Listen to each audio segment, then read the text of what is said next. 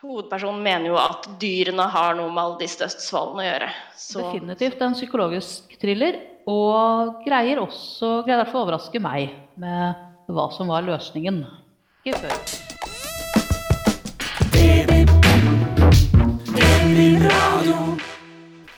Da sier jeg nok en gang hjertelig velkommen til en podkast, og det er påske, så dette her blir en ordentlig koselig podkast. Jeg håper Ina Synnøve og Anne Marie har gjort klar eh, både påskegodteriet og eh, kaffen.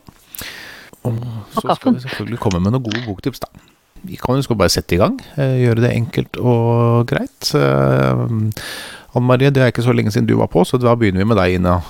skal vi begynne med meg? Ja da. Yes, jeg syns jo egentlig det er veldig deilig om dagen. Jeg har masse fritid og ikke noe annet å gjøre, så da får jeg lest masse bøker. Det eh, Sånn sett så har jeg har det ikke ille i disse tider i det hele tatt. Jeg har ingenting å klage over. Um, nå har jeg lest eh, to bøker som det er jo påske, og da leser man gjerne krim. Uh, men jeg tenkte å nevne to bøker jeg har lest i det siste, som selges og lånes ut som romaner men som vel så gjerne kan gå som krim. Altså, det er skikkelig spenningsbøker. Eh, og den ene er 'Før plogen din over de dødes knokler' av Olga Tokarkutsk. Tokarsuk, tror jeg hun heter. Det er hun polske som vant nobelprisen i litteratur eh, for 2018. Ble jo eh, Vant jo på en måte ble no, ja, i 2019, da, men da var det jo Peter Hanke, så det, ja, det ble jo ikke delt ut noen pris i 2018. Eh, men hun polske mm, nobelprisvinneren der, Olga Tokarsuk Jeg sier det helt sikkert feil, fordi eh, jeg er ikke så god på polsk. Jeg syns du er modig som tør å bøye deg ut på disse polske navnene. Jeg velger som oftest da Hvis jeg har Olga, så holder vi det oss til Olga. Nei, men Olga er eh, Det var en kjempe, kjempebra roman, og den er ikke tung og vanskelig i det hele tatt. Veldig spennende. Det starter med, eh, om ikke et drap, så i hvert fall eh, en eh, mann som ligger død på sin hytte. Eh, og så er det en gammel dame som heter Janina, så vi følger gjennom den romanen her. Og Janina er hobbyastrolog eh, og engelsklærer, og eh, alle ser veldig skrått på henne, og hun er bare en sånn tullete gammel skrulling som bor inne i skauen. Men uh, Olga er Nei, altså Janina, som hun hovedpersonen heter, uh, har veldig mye bra for seg, altså. Det er kjempespennende, og det blir flere og flere drap, og det er hun, hovedpersonen, mener jo at dyrene har noe med alle disse dødsfallene å gjøre. Så, så får vi se, da. Mhm. Det hørtes nesten ut som utgangspunktet til en fantasybok, eh, dette her. Men det er ikke det. Ja. Nei, det er ikke det. Eh, men ligger sånn på vippepinnen mellom Altså, det er en realistisk roman, men den åpner hele tiden mulighetene for det mange syns er urealistisk, da. Så det, den spinner litt mellom liksom realisme, kapitalisme og landsbymyter, hvis det ga noe mening. Så absolutt. Det hørtes jo egentlig veldig spennende ut.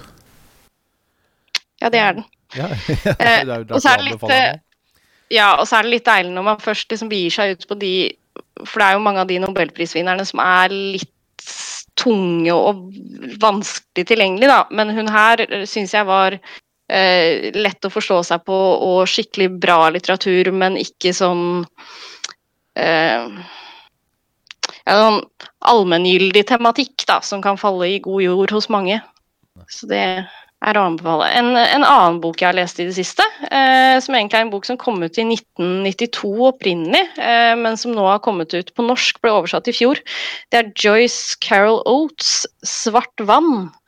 Eh, og det, Den selges også som en roman, eh, men der følger du rett og slett eh, hovedpersonen. Eh, sitter i en bil og holder på å drukne gjennom hele, hele romanen. Og så tenker hun litt fram og tilbake på livet sitt, eh, mens hun da sakte, men sikkert blir kvelt av vannet hun drukner i. Og det her er selv om det ikke er liksom helt offisielt, så er det helt tydelig basert på den ulykken med Ted Kennedy, eh, som var eh, Det er også et vanskelig ord å si høyt. Chappaquiddick-ulykken i 1969. Hvor eh, han, eh, senator Edward Kennedy kjørte utafor med ei jente i bilen og bare forlot hele åstedet. Tydelig basert på den, men hele fortellingen er fra hun kvinnen som da sakte, men sikkert drukner inni denne bilen og tenker på hva søren hun har rota seg borti. Ja, ikke sant. Hmm.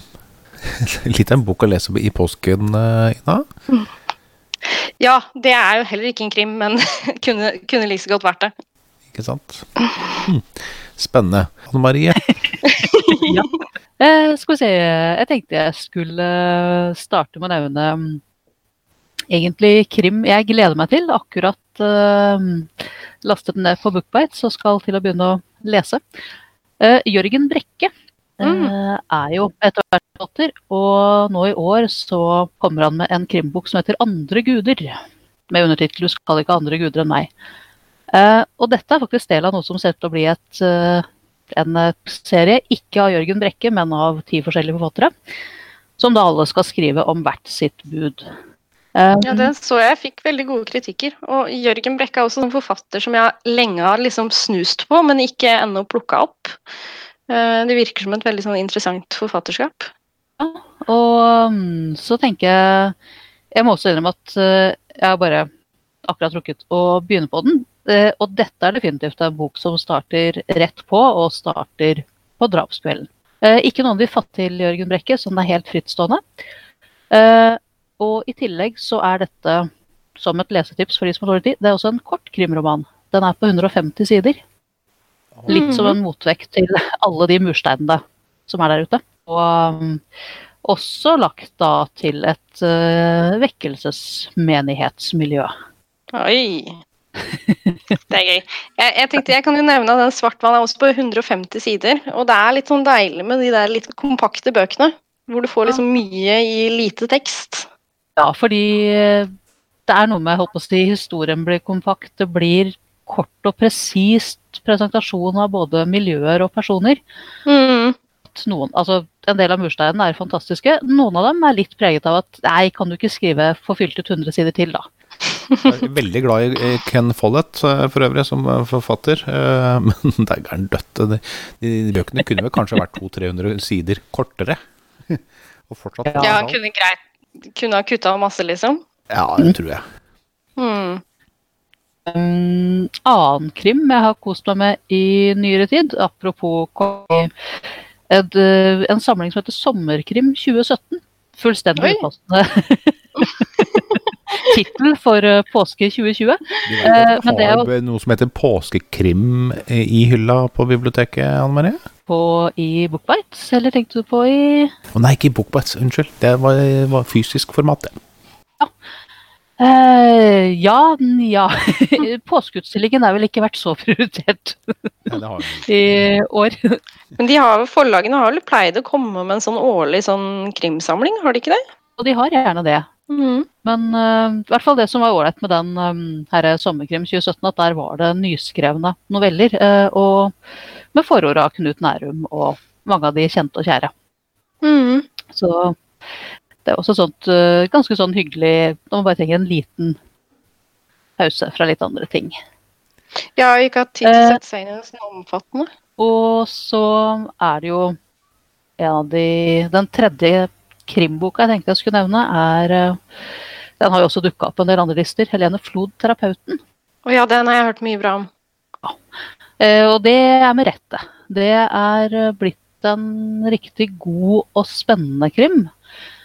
Jeg holdt på å si Det noterte notert meg, så er det sånn Krim jeg har kost meg med, men jeg har vel kost meg med den fordi den greier å være gjennomgående akkurat litt sånn ubehagelig og litt sånn mm, Hva skjer her egentlig nå? Mm. Og, den er litt sånn psykologisk, er den ikke? Definitivt en psykologisk thriller. Og greier også greier derfor å overraske meg med hva som var løsningen. Ikke før vi kom helt til slutten av boka. Det er bra. Det er gøy når de får til det. Det er vel krim jeg har lest. Jeg vet ikke mm. Men hun Helene Flod, hun er psykolog, er hun ikke det? Ja, uh, hun er selv psykolog, og hovedpersonene i boka er uh, da privatpraktiserende psykolog. Ah, spennende. Ja. Og så har jeg litt moro at den starter som en uh, sånn Holdt på å si da det unge ekteparet Sara og Sigurd, hun som privatpraktiserende psykolog, han som ung, ambisiøs arkitekt. Bor i pen villa litt sånn eh, vest i Oslo, kanskje. Ser fint ut fra forsiden, og ganske kort inn i boka så har jeg litt følelsen at jeg er i uh, holdt på å si, søknadsvideoen til Sinnasnekkeren. så bra. Ja. Uh, og deretter så går det over til da en Plutselig forsvinner jo bare Sigurd, og mm, kameratene har litt forskjellige historier om hvor han var på vei. Og det er jo tydelig at noen lyver her, og etter hvert er det bare et spørsmål om det er noen som ikke lyver i det hele tatt. Mm. Så, nei, det er den første, første boka til en Flod, ikke sant? Helene Flod. Hun har ikke skrevet noe tidligere? Nei, det er debutboka hennes. Og er jo også av de som da ble solgt og oversatt til mange andre språk enn norsk. Det blir spennende å følge da, videre også, det forfatterskapet. Det kommer sikkert tilbake til podkasten her òg. Mm. Eh, da ønsker vi egentlig alle lytterne våre en god påske, for øvrig. Og så takker Ina Synnøve, Anne Marie og Raymond for seg, og så høres vi igjen.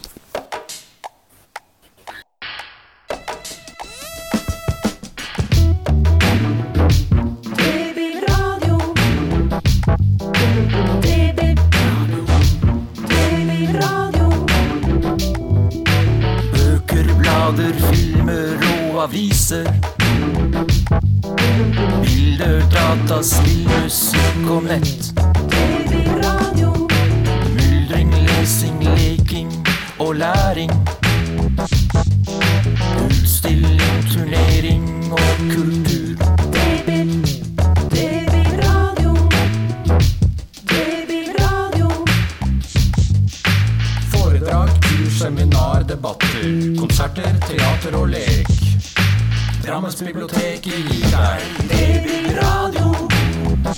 Det blir radio. Det blir radio.